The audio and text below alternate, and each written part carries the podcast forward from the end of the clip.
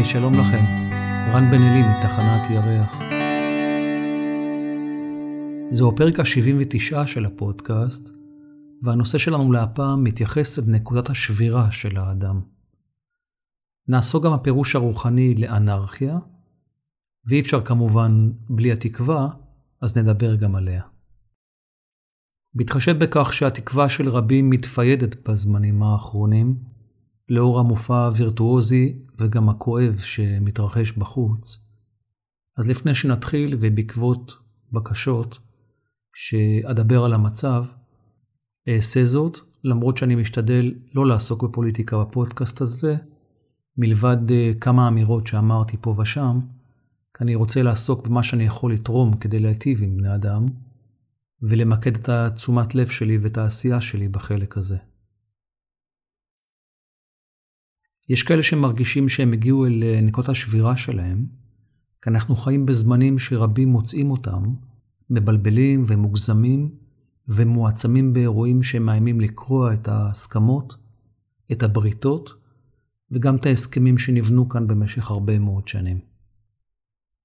צד אחד מנצל את אה, תוצאות הבחירות ומוביל למהפכה שלטונית ללא הסכמת הצד השני, שהוא בעצמו שולל את הלגיטימציה של הצד הראשון לשלוט, וכך כל צד שולל את הלגיטימיות של הצד השני, כי דומה מושך דומה, וחלילה זה יוביל אה, למלחמה פנימית בתוכנו, שבסופה תהיה חייבת לבוא פשרה על מנת לאחד את העם שפורק בכוונה, ואני נוטה להאמין שהאפשרות החנינה לראש הממשלה תהיה חייבת לעלות על השולחן כי זו המטרה הראשונה אמנם, אבל היא מניעה כמובן גם מטרות נוספות. אזרחי המדינה הזו הופרדו באופן קפדני ובתהליך ארוך, ולכן כעת רבים מגיבים אל התגיות הללו, וגם מתייגים את עצמם, ימני, שמאלני, דתי, חרדי, חילוני, להט"ב, ופתאום השייכות לזרם כזה או אחר הופכת להיות חלק מהזהות העצמית הייחודית שלנו, וזאת למרות שכולנו אחד. כולנו אחד לא מדבר רק על כל היהודים שחיים כאן, ועל תפקידנו מול uh, עמי העולם, אלא על כל בני אדם וכל הנשמות בעולם. כל אדם, איש ואישה, הוא עולם ומלואו ושווה בפני הבריאה, ולכן החלוקות הקטגוריאליות הללו, של זה מול זה, כגבוה או כנמוך, היא כמובן חלוקה כוזבת של חוסר מודעות, כי היא לא מבינה ולא מפנימה שכולנו אחד. אני חוזר על זה בהרבה פרקים של תחנת ירח, שבעת הזו רבים איבדו את דרכם הרוחנית, כי הנשמה שכחה מאיזה מישור מודעות היא הגיעה, וגם מה המקור שלה, והיא שכחה עבור מה בדיוק היא נמצאת בעולם חומר גשמי, כי התכלית הרוחנית של רבים לא ברורה, הרוח נזנחה, והחומר הפך למלך יחיד שמשתחווים לפניו, בני אדם התאהבו בעולם החומר ודמיינו את החיים שלהם כמסע תענוגות ארוך ומענג בגוף, וכעת מסתבר שאחרי שנות גאות הגענו אולי לשפל, ונהיה פה, כך פתאום, פחות נוח ויותר לחוץ, יש חוסר יציבות, וזה קרה במכה אחת, וזה רק מראה עד כמה התפיסה של הביטחון הייתה אשלייתית וכוזבת, וזה נאמר פה לא מעט פעמים, שהיציבות והביטחון זה כמובן צורך ראוי, אבל זו גם אשליה, כי העולם עצמו הוא דינמי ומשתנה כל הזמן, והחומר הוא בוגדני, ואפשר לראות את זה בנסיגה הקבועה שלו, כפי שהיא מתבטאת אה, בטבע, או בכלכלה, או בגוף, או בכל נושא שבו מעורב אה, עולם החומר, שהוא מושג מתכלה מטבעו. כעת, מישהו שיודע איך לשלוט בתודעה של רבים, החליט לשנות את כללי המשחק, וזה לא בהכרח רע, כי מתרחשים הרבה מאוד שינויים משמעותיים בשוליים, וחלק מהשינויים הללו מספרים שאנשים כעת קמים מהספה שלהם הנוחה, כי הם מפחדים מהעתיד שלהם, והם מבינים את חוסר האחדות, ולכן הם מתחילים להגדיר לעצמם באיזו מדינה מגיע להם לחיות, שחלק אולי שוקלים לעזוב, ואת חלק אחר זה דווקא מחזק להישאר כאן, וזה נתון כמובן לבחירה חופשית, אבל מה שאתה מניע לתהליכים הללו הוא הפחד מפני העתיד ולא סיבה אחרת. כל עוד הנוחות שלטה פה, אז הכל לכאורה היה בסדר, גם אם הבסיס היה רקוב ולא שוויוני ומאולץ, וחוסר ההתמודדות הזאת התקיימה כי הפחד נמצא מתחת לכל הדברים ולכל הפעולות, ובני אדם כמובן לא רוצים להתמודד עם קושי, אז מעדיפים להתעלם ולדחות את ההתמודדות אל העתיד. וכעת העתיד הגיע להווה והוא מאיים והוא מחייב הגדרה חדשה. במילים אחרות אפשר לומר שבני אדם מפחדים משינוי כי הם רוצים יציבות וביטחון, שהם ראויים כמובן, אבל השינוי מאיים כי העוצמה שלו לא ידועה מראש, וגם הדרך אל השינוי לא ברורה, ולכן יש אינסוף תסריטי הפחדה ביחס למה שיכול לקרות כאן אם נחיה בתוך אה, דיקטטורה, או בתוך צורה שלטונית אחרת, שאיננו יודעים כעת ההגדרה המדויקת שלה, ולטעמי הניעו, אותו, הניעו פה איזשהו תהליך שתחילתו ידועה, אבל סופו לא ידוע, ולכן גם יש פה הרבה אילתור, ולא איזה משנה סדורה של מישהו, כי אף אחד לא יודע איך המאבק הזה יסתיים. עוצמות הכעס, הזעם והתסכול גבוהות, ומתחתם נובע הפחד, ולכן מה שחשוב להבין כעת, זה שרבים מהדהדים את הפחד הזה לעולם, מהדהדים פחד מפני העתיד, כשהם משתפים, מעצימים, מדרבנים, ומפיצים אותו לכל עבר, וכך ענני דכדוך ודאגה וחושך יורדים על הארץ, והתקווה נעלמת. האור דועך, כי הפחד מבטל את התקווה. וברגע שהפחד הזה יועצם לדרגות גבוהות, המשחק יסתיים, כי החושך ירד על הארץ, כתהליך של חוסר תקווה, וחלילה הייאוש יהפוך להיות חלק בלתי נפרד מחייהם של רבים. רבים חווים את ירידת האור כחוויית דכדוך, עייפות, חולי, קושי בריכוז, אנרגיית חיים שיורדת ורצון שנחלש, וזה לא קורה רק כאן. האדם נחלש כי הוא לא השכיל להישען על הרוח האמיצה שלו ולבנות עליה אישיות ברורה ומודעות עצמית שהיא עוגן, וברגע שהחומר מתמעט, אין פתאום על מה להישען, כי הפחד לאבד את מה שהושג מבחינה חומרית הוא זה שמעסיק בני אדם רבים, ולאו דווקא הדמיון הרחב והאפשרי של המימוש העצמי או האחדות המלאה בין כל החלקים שהם אחד. ההתמכרות הקשה הזאת לעולם החומר גרמה לזה שהרוח נשכחה, ואז מתפלאים שפני המנהיגים הם פנים מביכות, וזה נוגע לכולם מכל הצדדים, כולל מנהיגי הדת. זה ברור שיש וקיימים יוצאים מהכלל, אבל הם מועטים וקולם לא נשמע מספיק. ההשחתה והפילוג שהביא לכאן ראש הממשלה הזו לארץ הזאת, היא השתקפות של ההשחתה שרבים מתנהלים בתוכה ביומיום שלהם, כאשר הם חיים בנפרדות בעצמם, מכורים לחיצוני, רצים אחר תשוקות חולפות, וחיים בתוך המדיה והטלוויזיה הרדודה, בתוך שקר, בתוך מצבים כוסבים ואשלייתיים, שמסיתים אותם לחוסר נאמנות לעצמם.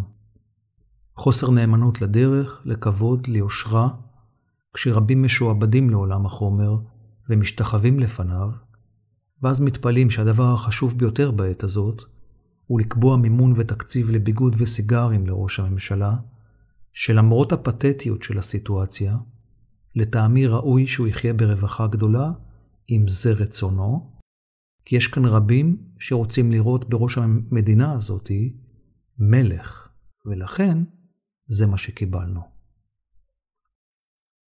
לא שמענו עד כה על כאלה שמבקשים שאיש או אשת רוח משמעותיים יעמדו בראש המדינה הזו, כי זה תמיד צריך להיות מישהו עם ניסיון ביטחוני, או איזושהי צורת שליטה אחרת, ולא מישהו או מישהי שיכולים להביא תקווה, רווחה ואחדות אמיתית בקרב בני האדם.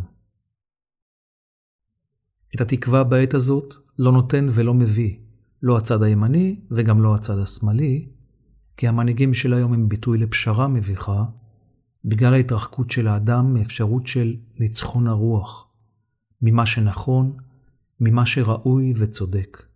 והאדם לומד רק דרך כאב, ויש לכאב הרבה אפשרויות לבטא את עצמו, ועדיין רבים אולי מאמינים שהכאב הגדול ביותר הוא הכאב של הגוף, או הכאב אה, בכיס הכלכלי, בגלל ההתמכרות לעולם החומר, אבל לטעמי, הכאב הגדול ביותר הוא דווקא הכאב הנפשי.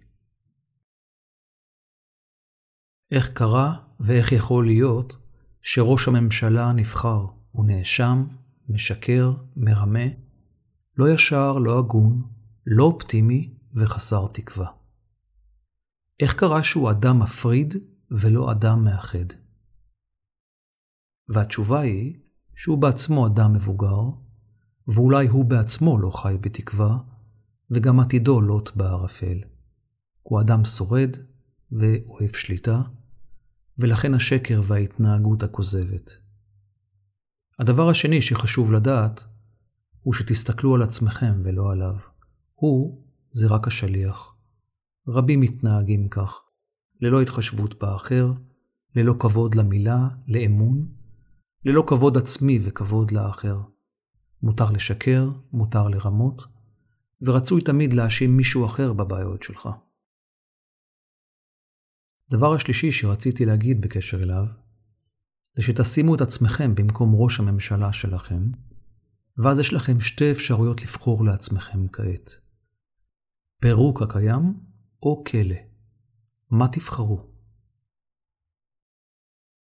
כדאי לכם לשים לב שאתם לא חיים את החיים שלכם על רק על פי מה שקורה לו או דרכו, כי זו הפכה להיות אובססיה לאומית. נאשם או לא נאשם, הוא רק אדם. החיים בסוף חזקים מזה, וברגע השבר האמיתי רבים, אולי כאלה שרצו ללכת עד הסוף, וזה בכלל לא משנה מאיזה צד, כנראה שיחפשו את אפשרות הפשרה, כי מי שיודע להסתכל מעבר לאגו שלו, מבין שכך הוא היה מתנהג כנראה במערכות יחסים אחרות שלו שנמצאות במשבר. האשמת האחר וההפרדה שנעשית היא אשליה כמובן, כי לא מתקיים שום דבר מחוץ לעצמי. וזה משפט שנאמר פה כל כך הרבה פעמים, ולכן אומר שגם המאבק בינינו הוא אשליה, כי אני מסרב למצוא את עצמי בתוך מאבק בין אחים. בין ימין לשמאל, כי אם המאבק הזה באמת קיים, הוא מתקיים בתוכי ולא בחוץ. ואני יודע שכולנו אחד. למרות חוסר ההסכמות שקיימות לעתים, בכל משפחה, ואנחנו משפחה גדולה. אינני מתייג את עצמי, אבל כנראה שרבים היום מגדירים אותי כשמאל קיצוני, בגלל הדעות, בשל התפיסה של כבוד האדם וחירותו, כבוד לכל אדם וחירותו של כל אדם, בלי קשר לדת, לאום, מין וגזע. כי אני מאמין שצריכה להיות זכות בחירה חופשית לכל אדם. ואומר עוד דבר מה אישי וקטן. אשמח לנוחות, אבל אינני מחפש חיים נוחים, אלא לעשות את מה שנכון לי ואת מה שנועד לי בעולם הזה, כי זה מה שעשיתי עד היום. ולכן, כל עוד אוכל וזה יהיה אפשרי, אכבד את הבחירה שלי ואממש אותה כאן במדינה הזו, שאני מכבד ואוהב אותה על כל המורכבות שבה ועל כל הקשיים שעברתי בתוכה. כל עוד אוכל, אעשה זאת, למרות שאני מוצא את עצמי נרגש, קרוב יותר רגשית, ונוח יותר בתרבויות אחרות. הרבה יותר נוח לי, ואני מרגיש הרבה יותר טבעי בבודהיזם, ויחד עם זה, ובלי קשר לזה בכלל, הנשמה שלי בחרה לממש את דרכה הנוכחית כיהודי, ולכן אעשה זאת כאן כל עוד אוכל.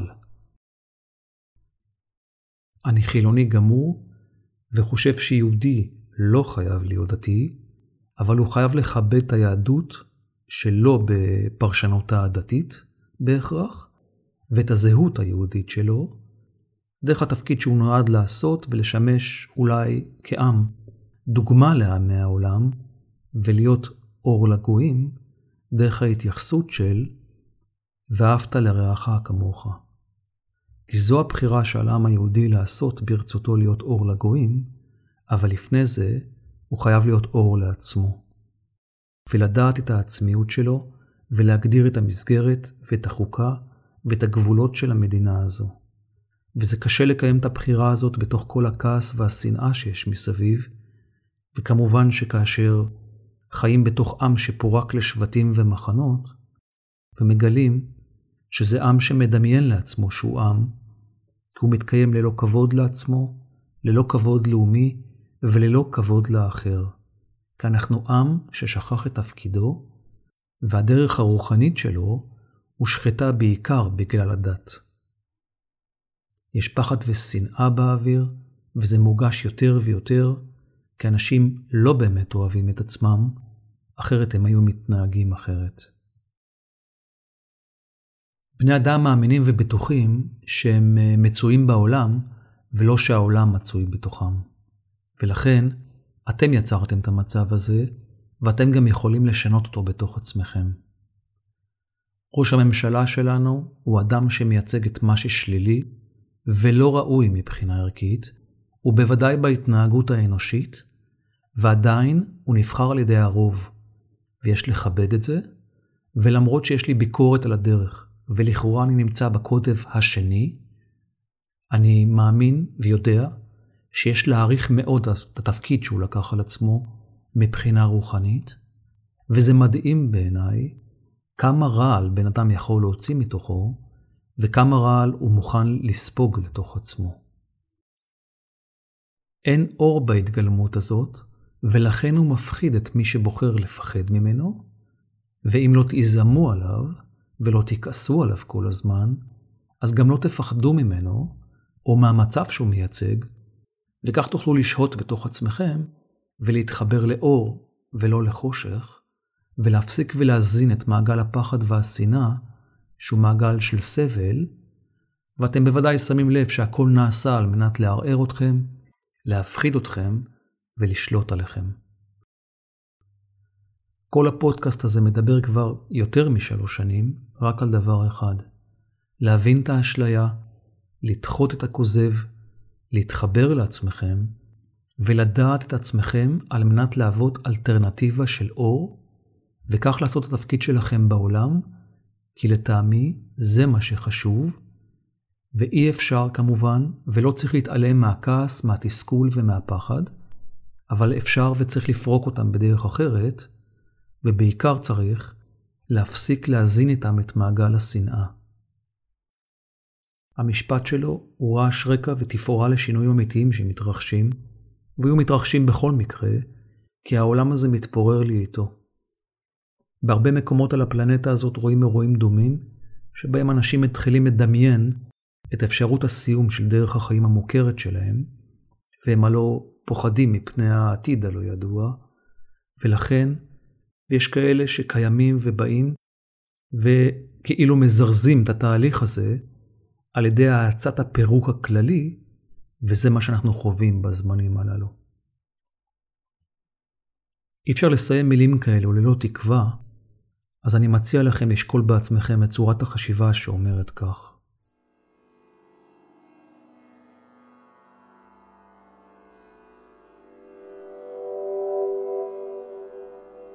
אני מבין שהכל מתקיים בתוכי, ולכן לא אפול אל הכעס והשנאה לאחר, כי כולנו אחד. את הכעס והזעם שאני חש, אבחר לפרוק בדרך אחרת, כי אני מסרב להזין את מעגל הסבל וגם מסרב לאפשר נפרדות או ייאוש בתוך עצמי. אני לא מפחד מהעתיד, אני יודע שהעתיד הוא היצירה של מה שאני עושה כעת, והוא תוצר של ההתנהגות העכשווית שלי, ולכן אראה את המפריד ואבחר לחבר. אראה את השקר ואומר אמת. אראה את החושך ואביא אור. ואחייב את התקווה לעמוד לצידי. כל מה שנברא ניתן לפירוק ובנייה מחדש, כי הכל מחזורי. הכל בא והולך, והקיום האנושי מוצא בסופו של דבר שהקיום שלו לא באמת תלוי במבנה כזה או אחר, ולכן השינוי הוא לא בהכרח שלילי. מה ששלילי זה הדרך שבה נעשים הדברים, כי זה לא שינוי, אלא נקמה.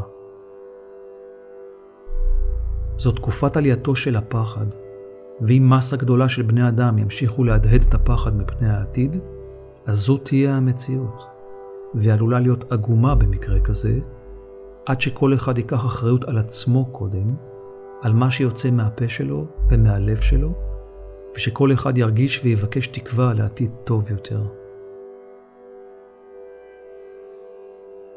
כשאין מודעות, אדם לומד רק דרך כאב, ולכן אולי יהיה פה כואב קצת, אבל אז נתאחד ונזכור שכולנו אחד. כי בסוף יהיה טוב כשכולם יחפשו את התקווה. כמו תמיד ובכל פרק, אני רק רוצה לומר שאני לא בהכרח יודע או מבין משהו בעולם הזה, ואני מביא לכאן מחשבות ואפשרויות בלבד, ואלו לא אורים ותומים. ולכן, זה לא טוב וזה לא רע. לא גבוה או נמוך, ומומלץ להישאר פתוחים. thank you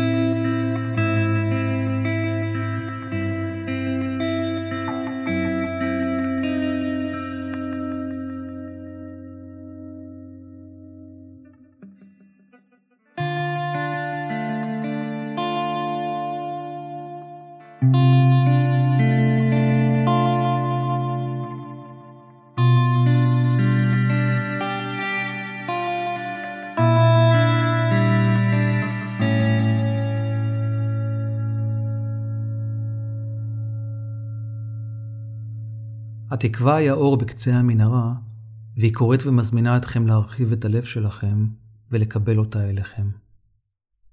בזמנים של פחד וחששות כדאי לכם לבקש שהיא תביא לעולמכם אפשרות חדשה שעבורה תרגישו שהיה שווה לחכות.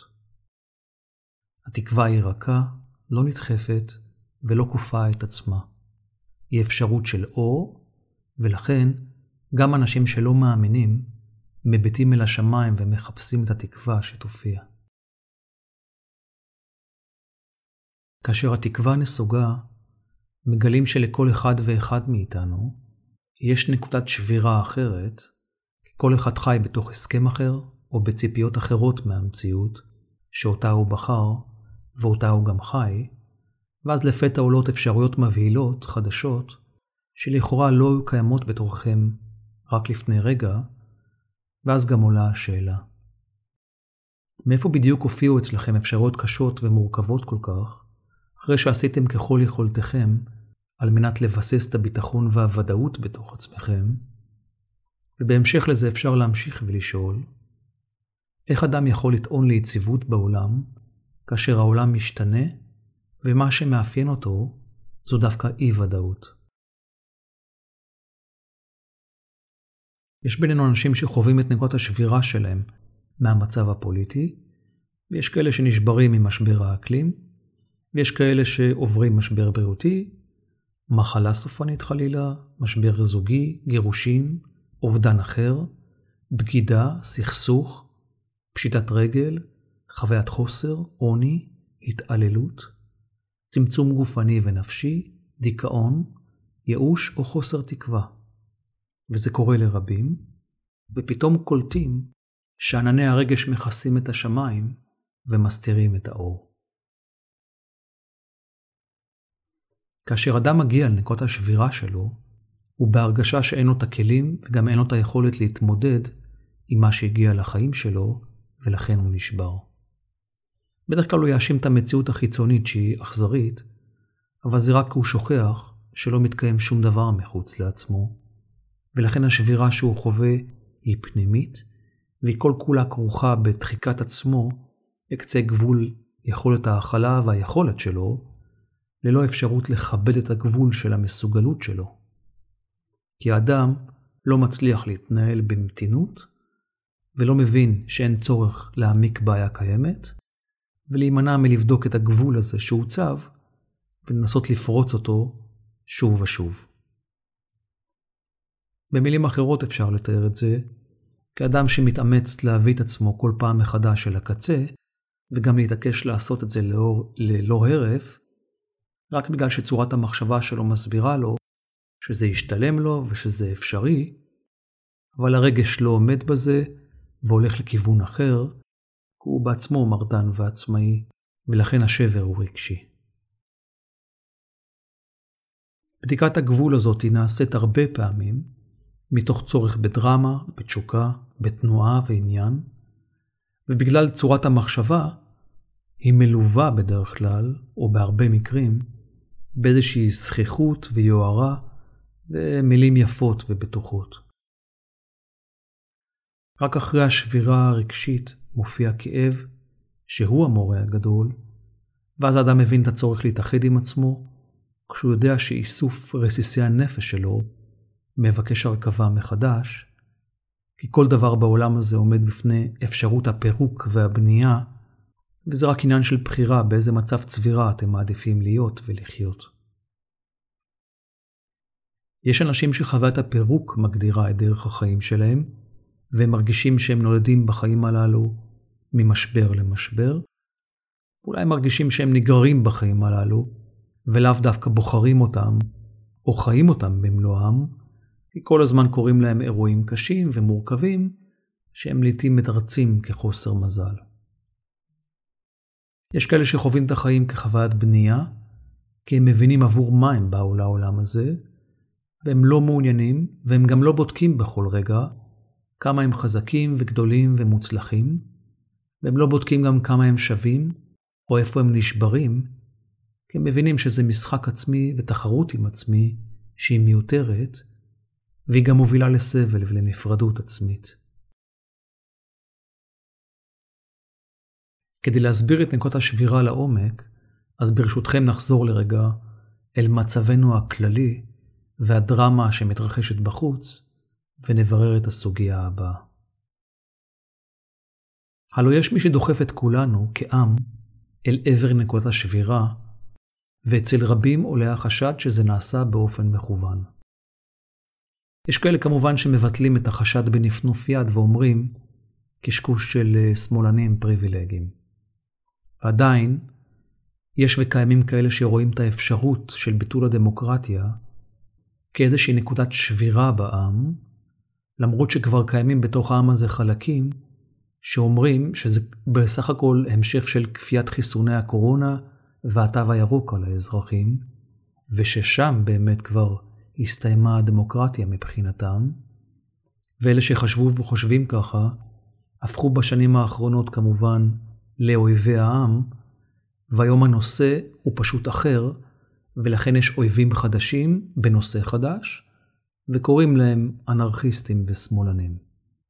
ואולי השלב הבא, בדיוק כמו במהפכת התרבות בסין, אולי בשלב הזה יוקיעו את כל מי שקשור לאקדמיה למשל, וישללו ממנו אה, חירויות, ובסוף נגיע למצב שילדים ילשינו על ההורים שלהם כי הם לא פטריוטים. תמיד קיים החשד, ולא רק שהוא קיים, אלא שהוא גם בא ושואל ומראה שהנה זה תהליך מכוון. אבל אין לך ולא תהיה לך אפשרות להוכיח או להפריח את החשד הזה, והוא ימשיך להציק לך, ובו זמנית להוביל אותך אל עבר נקודת השבירה הנפשית שלך, למרות שאתה מבין את המשתנים, ויכול לסגת מאותה דחיפה שנכפית עליך להישבר.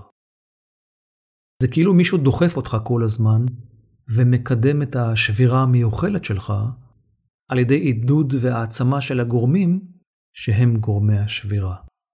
וזו האשליה כמובן, כאלו תהליכים שהאדם עושה לעצמו בתוך עצמו, כאשר הוא מזהה עם עצמו, או בתוך עצמו, רק חלק אחד, ומכחיש את החלק האחר. וההכחשה הזאת שהוא עושה בעצמו, רק מעצימה את, את הכוח של אותו חלק שהוא התעלם ממנו. במילים אחרות, יש חוסר הסכמה כי קיימת נפרדות פנימית.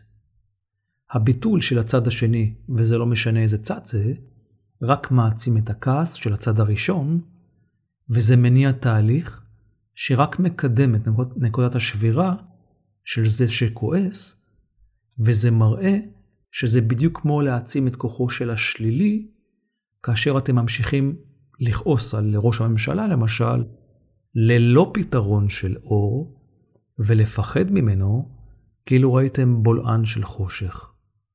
וכך, יש צד שאומר שטייסים סרבנים הם בוגדים, ויש צד אחר שבא ולהוכיח שכל אותם כלכלנים ואנשי הייטק או טייסים הם מלח הארץ, ולא אנרכיסטים ובוגדים. והבעיה היא שכל אותו מחנה מפגין מרגיש שיש חשד ברור שהכל מכוון, ועדיין הוא צועק, כועס ושונא ומתווכח, במקום לדעת ולהכיר בלגיטימיות של הקיום שלו בעיני עצמו. לעצור, לנשום ולהחזיק בדעה ובידיעה שלא צריך להוכיח אותה כל הזמן, כי אתם רבים עם עצמכם. זה טוב וראוי ודמוקרטי למחות, אבל לא פחות ראוי הוא שכל אחד ואחד ידעו בתוך עצמם באיזו מדינה הם רוצים לחיות, ובאיזה מדינה מגיע להם לחיות, ושכל אחד יחזיק בתוך עצמו את הדימוי הזה, כי זה מה שיבנה את המציאות.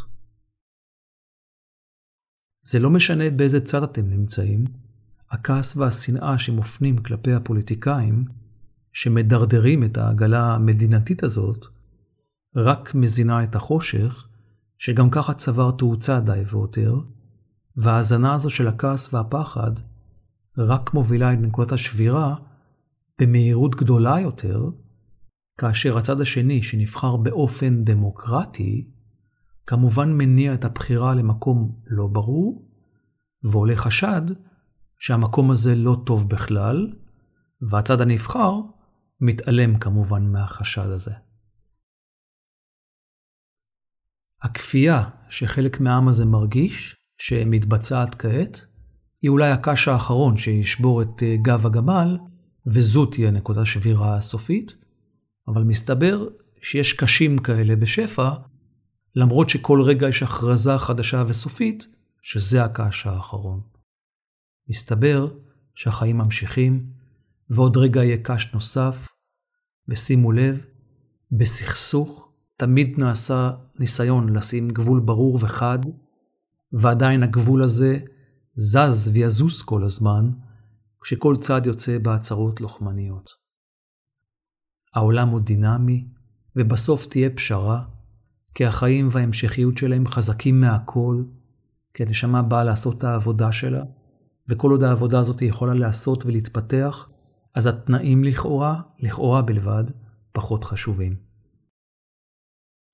כל זה קורה ומתרחש בתוך מדינה שהתושבים שלה הופרדו, אבל זה יכול לקרות גם בזוגיות, וזה יכול לקרות בכל משבר של אמון, בסכסוך, בחוסר אהבה, בחאוות נפרדות, שכל אלו אולי לעתים מעוררים זעם וכעס ותסכול, וגם את היכולת להאשים את הצד השני בכל הבעיות והקונפליקטים שיש לך, בשל התנהגות כזו או אחרת, כי כולם אשמים במצב חוץ ממך.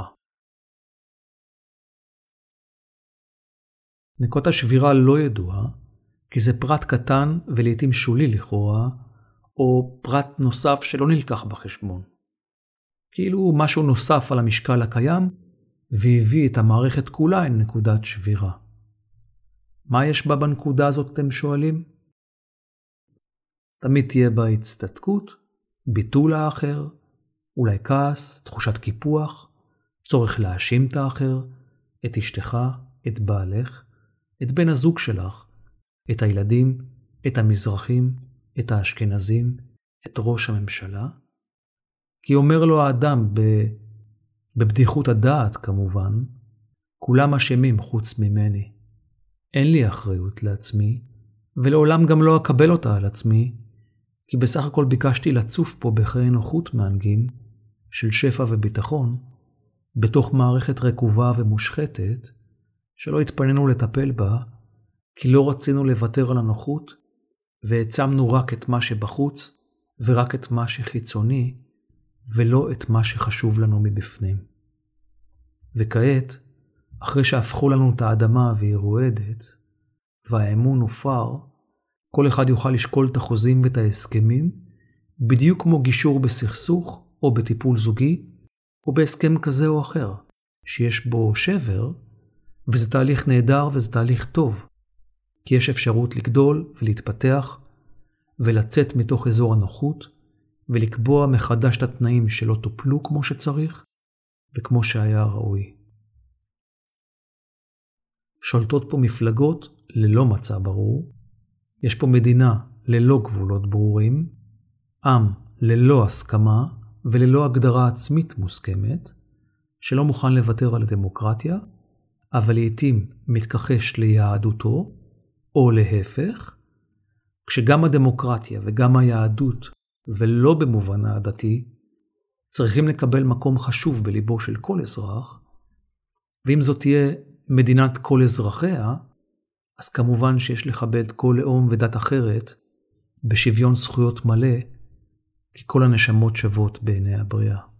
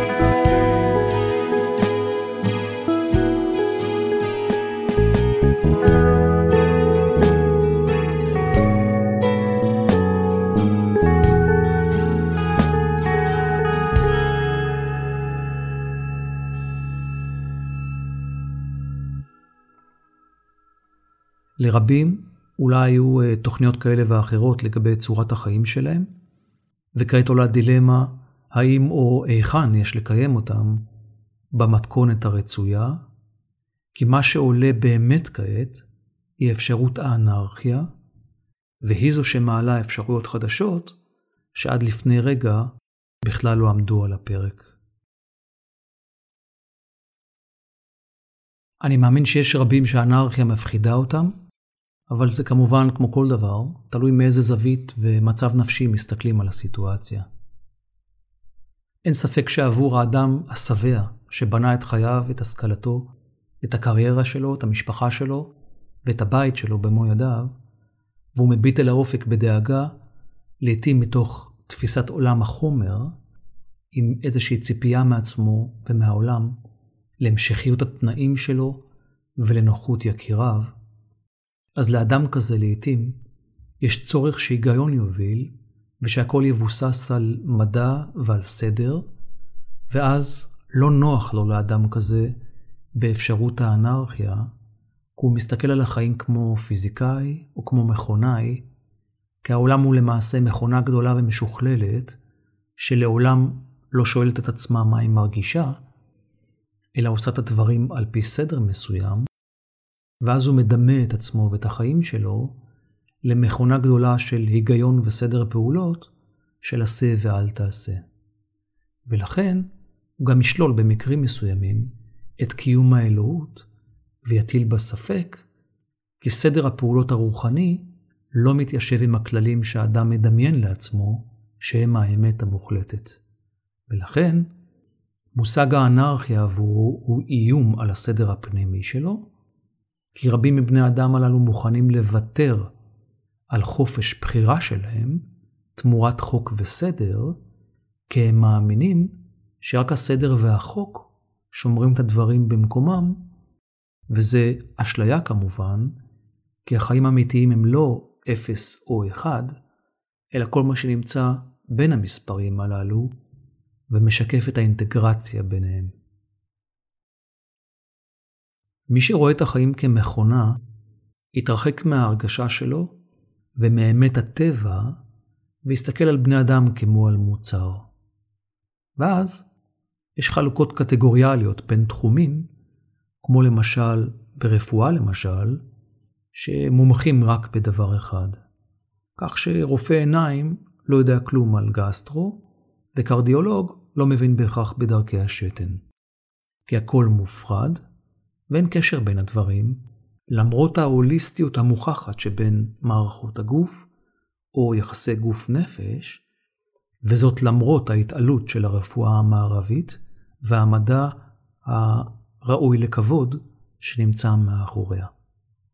וזו רק דוגמה לאיך מתפתחת תפיסה שהכל זה רק סיבה ותוצאה, למרות שהסיבה האמיתית היא הרבה פעמים מוסתרת, וכדי לחפות על זה, יש מאמינים שיש לעגן הכל בחוקים ארציים ובחובות שחייבים לעמוד בהם, על מנת שאדם לכאורה יהיה טוב ובריא, בלי לקחת בחשבון שכל חוק ארצי ייפרץ מתישהו, כי האדם לא באמת מסוגל לעמוד בגבולות ובחוקים שהוא יצר בעצמו, כי אלו רק נערמים בעוד ועוד חוקים, שבאים לסגור עוד ועוד פרצות, כדי להכניס אה, חוק לתוך עולם משתנה, ואז לרוץ ולהתאים את החוק החדש לשינוי החדש שהתרחש, בלי לנסות שיטה אחרת, ובלי להטיל ספק במודל הקיים, כי אחרת זאת תהיה אנרכיה. עבור האדם שמביט על החיים כמו ביולוג, החוק היבש פחות משנה לו, כי הוא לא מחפש את הסיבה, אלא מחפש להבין את התהליך. ולכן הוא מחפש את החוק הקוסמי, כי הוא מבין שהחוק הזה פועל לטובת הכלל. הוא גם מבין שהאנרכיה היא למעשה חופש בחירה, כי אין באמת שליט קבוע, מלבד הטבע שמשתנה, שיש להתמזג איתו בזרימה, ורק דרך ההתמזגות והזרימה איתו ניתן להבין את השלמות שמתקיימת, שהיא גם זו שמאחדת את כל הצורות ואת כל האפשרויות הקיימות, כי הטבע בעצמו הוא רעיון אחד באין סוף צורות מימוש. ולכן הוא פועל כך מעצמו, והוא מונע מרצון עצמי, כי הדברים קורים מעצמם. אף אחד לא אוכל עוגייה ועוקב אחרי תהליך העיכול שלה. זה קורה מעצמו. אף אחד לא מתכנן מתי לנשום, זה קורה מעצמו כתהליך אוטומטי, שמתרחש מעצמו כמובן, ומונע מרצון עצמי, כי כך פועל הטבע. מעצמו. כל מה שנשאר לעשות זה להתבונן בזה ולנשום את זה וללמוד מזה, כי זו מהות התהליך. הכל מתקיים בתוכי, כך מעצמו ועל פי רצוני העצמי. ומכאן התפתחה לדרך שלישית, שרובה הגדול היא גם מה שמדובר פה בתחנת ירח, בנוגע למימוש העצמיות הרחבה והמימוש התודעתי של האדם מבחינה רוחנית, וזה קורה כאשר המכונאי נעצר לרגע באיזשהו שלב בחיים שלו, ופתאום מתחיל להבין שהאלוהות אולי כן קיימת, וגם שיש לו צד רוחני. יש סיבה לזה שהוא חי כאן בעולם הזה, וההבנה הזאת היא בדרך כלל תקרא, תקרה לו בגלל שתי סיבות עיקריות. או שהוא ממש סובל, או שהוא נפתח אל הרוח באופן ספונטני. אולי כשהוא שהה בטבע לפרק זמן מסוים, שגרם לו להבין שיש דבר כזה שנקרא סדר טבעי, שמתקיים כך מעצמו, ובאופן אוטומטי, כאיזושהי צורה של סדר רוחני, שלא צריך לנהל ולשלוט עליו. ואז האדם אולי מתחיל להשתחרר מאיזה שהן תפיסות מכניות על העולם, כי האדם הוא לא מספר, והוא לא מוצר שיש לתכנת על ידי קוד וחוק, אלא להתייחס אליו כאל אדם מרגיש, מתפתח ומשתנה, ולכן יש לכבד את התהליך ואת הרצון של כל פרט ופרט בעולם הזה, כי הכל הוא אחד שמתבטא באין סוף צורות. הוא גם מתבטא באופן ספונטני, בדיוק כמו הקרקור של הצפרדע ליד הנחל, או שריקת ציפור על עדן החלון שלך בבוקר. הכל מתקיים מעצמו על ידי רצון עצמי, ולכן לכל אחד מותר להיות מה שהוא רוצה, בחופש בחירה מלא. ואם כל אחד היה מחובר לעצמו ואוהב את עצמו, אז המושג אנרכיה לא היה מאיים בכלל. להפך, החוק הקיים היה במקרה הזה חוק קוסמי, והחופש הקיים היה חופש בחירה רוחני, כי הסדר הטבעי היה מתנהל מתוך ספונטניות, מתוך קבלה וטוב לב, ולא מתוך אלימות, כפייה, כוח ורצון לשלוט על האחר. אולי במצב הזה ההרמוניה הייתה שלטת, וזה היה מאפשר חוויה אישית וחזקה לכל פרט. חוויה מאפשרת וחוויה מקבלת, גם אם היא מתקיימת לזמן קצר ומוגבל, בדיוק כמו שהפרפר לא מתבאס מזה שהוא רק חי שלושה שבועות, הוא פשוט ממצה את הפוטנציאל של היופי, ההוד וההדר שלו בזמן הזה. אבל האדם מחפש נצחיות. הוא גם מחפש את הדרך לשלוט בטבע, ועל הדרך גם להרוס אותו. הוא מבקש לנכס לעצמו כל דבר ולשלוט עליו, ולכן ההרמוניה בורחת ממנו והלאה. אנרכיה היא לא מלחמה, למרות שלעיתים היא תוצר של מלחמות. אף אחד מעולם לא ניצח במלחמה, גם אם נדמה לו שכן, כי במלחמה תמיד יהיו גם מפסידים. בדיוק כמו בכל מאבק אחר, כמו במערכת יחסים. יש קשר ישיר שנובע מקבלה עצמית ואהבת עצמך כפי שאתה, וזה מוקרן על הכבוד והאהבה לקרובים שלך, למי שבחרת לחיות איתו או בקרבתו.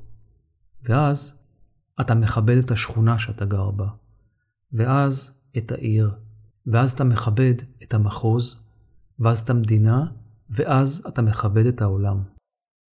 ולכן, שלמותו וקבלתו של העולם מתחילה מקבלת האדם את עצמו. ובני אדם כל כך הדורים בחוסר קבלה וכל כך מלאי טענות לעצמם, שקשה להם לאהוב ולקבל אחרים, כי הם לא אוהבים את עצמם. אז איך הם יאהבו ויכבדו את העולם? אין באמת דבר כזה מדינה. זה אוסף של אנשים שבחרו להיות יחד ולהגדיר את עצמם בתוך מרחב שרק לכאורה קיימת בו גדר, הלא גם אנחנו כעם, אין לנו חוקה ואין לנו גבולות מוסכמים, וגם לא מצע מפלגתי וגם לא הסכמה. אז מה אנחנו עושים ביחד? והתשובה היא שאין מישהו או מישהי שחי במערכת יחסים ולא שאל את עצמו פעם, או כל הזמן, מה אנחנו עושים ביחד. כנ"ל לגבי השכונה והמדינה, והכל אותו דבר, ומוביל לאותו מקור שכרוך בחוסר ההגדרה, או חוסר הבהירות לגבי הבחירה שנעשתה. וזה נאמר פה מלא פעמים.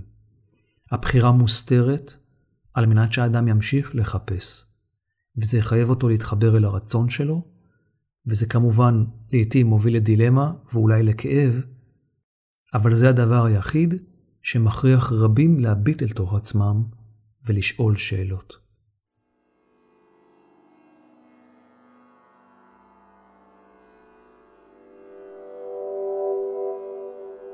כשאדם מתקרב לנקודת השבירה שלו, עולה בו חשד.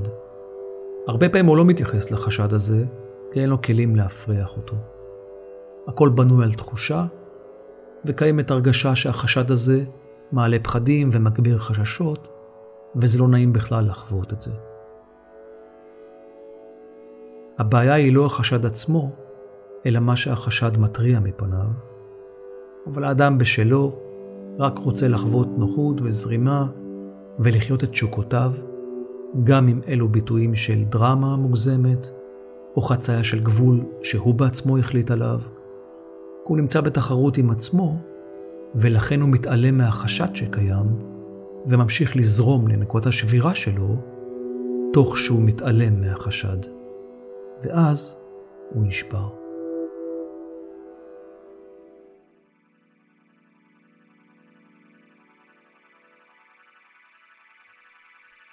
אדם מודע מתייחס לתחושות בטן ולאינטואיציה כמו פנסי דרך. הוא מתייחס לחשדות שמופיעים בהכרה שלו, כמו לרמזורים ומעברי חצייה. הוא מבין שהוא חייב לתפקד בתור גבולות, וזה לא סותר את חוויית החופש שלו, כי חופש זה לא רק להשתולל ולפרוץ גבולות. חופש זה לעשות את מה שאתה אוהב ונכון לך.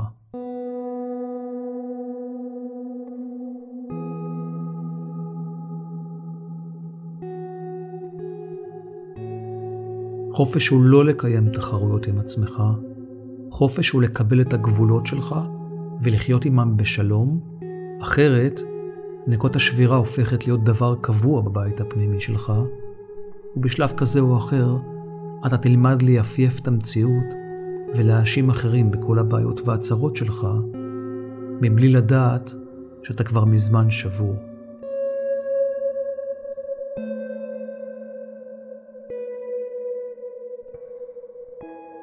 אין צורך לבדוק את נקודות השבירה, יש צורך לדעת איפה היא ממוקמת.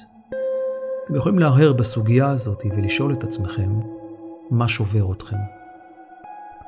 כל מי שיחפש את התשובה בחוץ, בחיצוני, באירוע, באלימות, בחוסר שוויון או חוסר צדק, צריך להבין שזה רק האירוע החיצוני.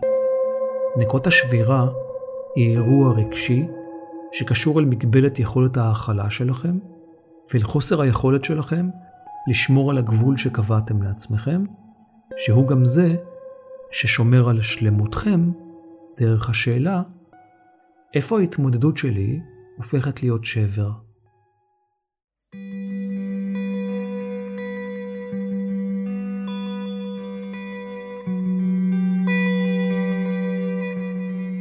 יש הרבה תהליכים מורכבים בעולם הזה, הרבה שינויים שדורשים שתהיו מחוברים אל עצמכם יותר ויותר. חלקכם אולי צורכים חדשות, כי אתם מצפים שייאמר משהו שיפריח את החששות שלכם לגבי העתיד, ואתם צריכים להבין שזה לא יקרה, כי תמיד תימצא הסיבה לשמור אתכם בפחד, כי רק ככה אפשר לשלוט עליכם.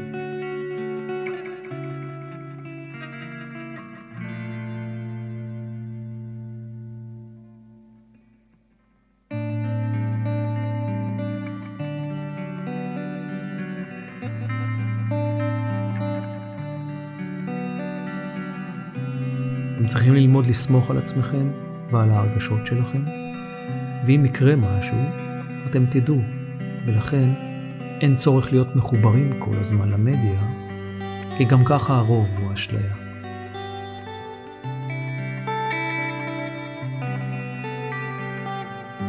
אני לא נגד צפייה בחדשות ובמדיה, אני פשוט מאמין שרבים מהתכנים בנויים ככה, שהם דוחפים בני אדם אל עבר נקודת השבירה שלהם.